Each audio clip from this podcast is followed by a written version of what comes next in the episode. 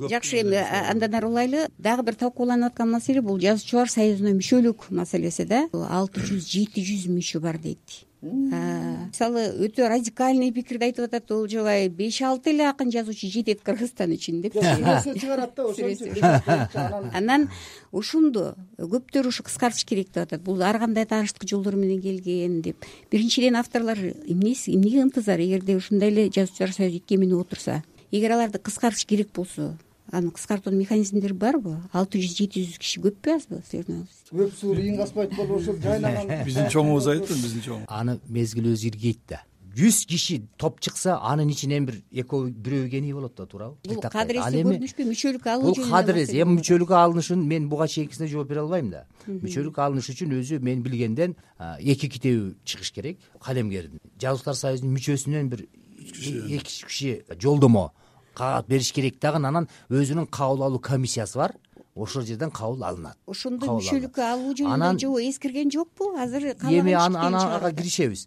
Жана сиз айткан алты жүз жети жүз мүчөсү болсо дагы эки миң он сегизинчи жылдагы мүчөлүк акыны төлөгөндөр ошончо кишинин ичинен жүз жыйырмага жакын гана киши мүчөлүк акы төлөптүр мисалы эми соттошом деп чыгат да алардын мүчөлүгүн чыгара албайсың мисалы да эгер албетте таанышы менен бирдеме менен өткөрүп алса бир ал эшем начар чыгарма болсо ошого бир адабий чеберчилик мектептерди өткөрсөк болбойбу? Мисалы адабий чеберчилик мектебин өтсүн сөзсүз эле чыгарып анын да укугу бар да кудай урбаду а бул советтик системада аң сезимде калган союздун мүчөсү болгон азыр деле болсо түшүнүк. Сөзсүз түрдө жазуучу акын сөзсүз түрдө президенттин колунан кыргыз эл акыны деген наамды алганда гана өзүн акын деп эсептеген. Маселен мен союздун төрагасымын да мисалы э? А мен эч бир ушул мүчө жазуучулар союзунун мүчөсүн мен канатты букка кактырбай тумшуктурга чокутпашым керек аларды начарбы? Өстүрөлү азыркы адабий тенденция каяка баратат жана адабий сынчылар менен иштеш керек. Аларга гонорар төлөп бирдеме кызыктырбасаң мисалы эч качан жазбайт. Ага башы башы шишип. акчаңыз жок. Башы шишип отуруптурбу карызыңызды төлөй албай эми мен ошо негизин айтып атам. Аны уюштурса болот. Бир жалгыз олжобай шакир жана рухеш сайтын иштеп келатат. Туура айтат кыргыздын азамат белдүү жигиттери бар биз эмне мамлекетти эле карап отурушубуз керекпи? Өзү жазчылар союзунда алты жүз жети жүз дедиңби олжобай мүчөлөр бар экен депчи. Адабияттын аасына жакындаган адам биз үчүн өтө кымбат эмне үчүн биз ушул көркөм дүйнөгө өзүнүн дүйнө дарамети көз карашы дүйнө таанымы менен келген адамды биз чык нары деп коебуз москвага барганда мен москва кайрыктары деген бир сборникти окудум да. Сборник. Миграцияда жүрүп жылына эки миллиард акча которуп аткан кыргыздын ичинде ошо иштеп анан ыр жазып жүргөн адамдар бар экен да. Эми албетте ырдын баардыгы иштете бер эмес. Бирок ошол байкуш көкүрөгүн жерге болгон энесин сагынган апасын сагынган буусу жаза берсин жаза берсин. Адамды эме болчу жазса биз адамды эме болсо тие албайбыз. Ошондуктан ким иргеш керек аны иргөө жагына келгенде эми ал жерде иргөө деген эми мындай да. Биз эки эки мааниден карайбыз да жогорку адабияттын түшүнүгүнөн анан кийин мындай жазып жүргөн э, жөнөкөй карапайым адамдын деле биз укугу бар да айналайын бул нурландын айтканы туура да мындай адамдарды биз э, чекеге чиртпешибиз керек деп айтар элем да. Эмне үчүн жазуучулар союзунун кереги жок деп аткан себебим жазуучулар союзунун колунда бүгүн журналы жегести бирдеңкеси барбы мен эки жыл мурда гана техника редакторум жана марат токоевго айтып жазуучулар союзунун жана сайтын ала тоо журнал силердики да азыр э? Жок буларга тиешеси жок. Анан булардын сайты да жок болчу да мен нурхечти жолго коюп калгандан кийин буларды айттым да жок дегенде бир сайт ачып койгулачы жазуучулар союзунун депчи. Эми ошондо да компьютерди көрсө бир жылан көргөн бакадай болуп титиреп отурушат да кантип жасайт каягына кирет депчи. Анан ошентип отурган коом алдыга сүрөйбү колунда гез журналы бир алдына берген ырыскыны төгүп алган жетимдей болуп атпайбы. Баягы акайып берген миллионду кармап кала албаган жазуучулар анан азыр өкмөт жардам берген күндө да ошону э, туура жагына колдоно алабы. Маселен бүгүнкү күндө авторлор эчтеке муктаж эмес. Себеби социалдык тармактарда ырларын жайнатып атат. Цензуранын кереги жок. китепке муктаж эмес китепке муктаж эмес да. Себеби китеп чыгарып алып тилемчү болуп бирөө спонсор издесе анысын элге жеткире албаса бекер тараса адабий рынокто жолго кое албаган жазуучулар коому коомго анан дагы жүгүбүздү арткыбыз келет да өкмөт карашы керек тияк бияка караш керек деп. Жазуучулар тилемчи анан аброй жок да.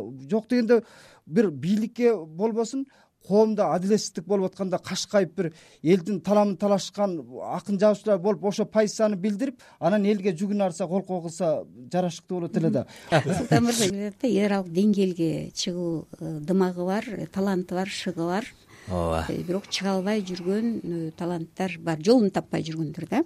Ошондой таланттуу баардык жазмакерлерге сүрөөн керекпи ким сүрөш керек аларды кантип сүрөш керек? Эми ар бир эл өзүнүн э, мыкты адабий тундусун дүйнөлүк энчик катары чыгарыш керек да. Өзүнүн казанында эле кайнап отура бербейчи азыр жазуучу жеке өзү эч качан бул маселени чече албайт.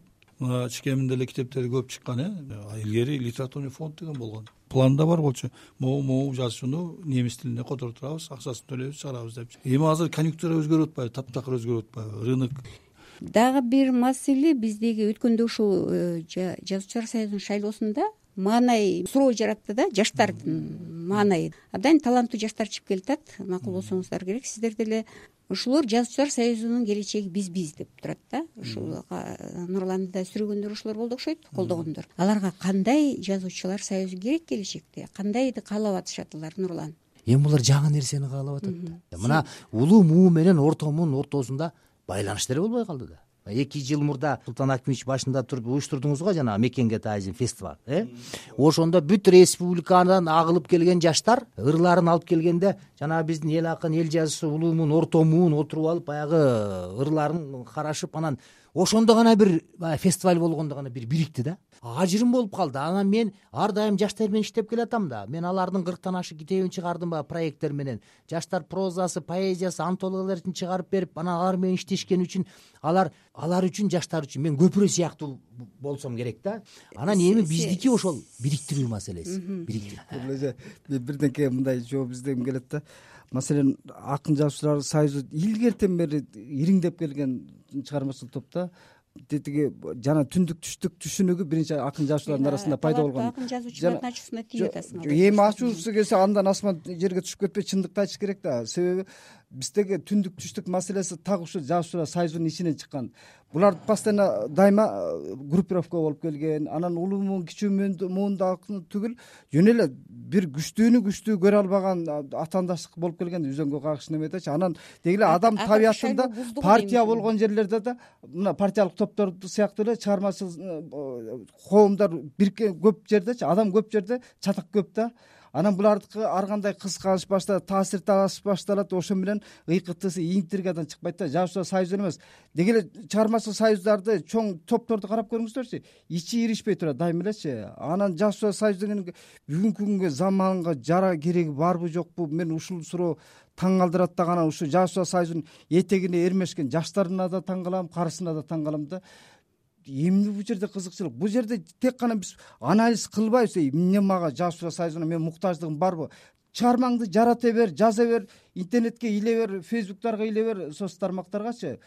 Ким сага тоскоол болуп атат? Же эмне жазуучулар союзу колуна бир кандай десем путевка берет бекен чыгармачылыкка жолун ачат же рецепт э, берет бекен ме мону десең укмуш жаратасың. Ал жерде бир талкуу болбосо бир адабий билим өзүнүн акын жазуучулардын көбү чала чарпыт билим менен жүрөт дагы дүйнө тааним коом тааним түшүнүгү жок. Анан эле баягы чыгармачылыктын артынан сарпылып эле анан адабиятты чайкоочулук кыла бергендимде адабият өлүп атат адабият эмес тил өлүп атат. Мына улуттук тил комиссиясы бар э жөн эле мамлекеттик түзүмдөр мына султан байке канча жыл министрликти башкарды каржы да бөлүнүп э, немеден казынадан каржы бөлүнүп келгенде деле маданият министрлиги эмне кылып турган көз көгөнү жөн эле сактап турду ведомствонучу ошондой эле бир э, конъюнктуранын системасы да бул делечи эми айтайын дегенде мен жаштарга ошондой нерсе мүнөздүү болуш керек да мындай жаштар ансыз жаштарды мүнөздөп болбойт. Жаштарда мындай революционный дух болуш керек мындай алга болуш керек көз караш дүйнө тааным башкача атат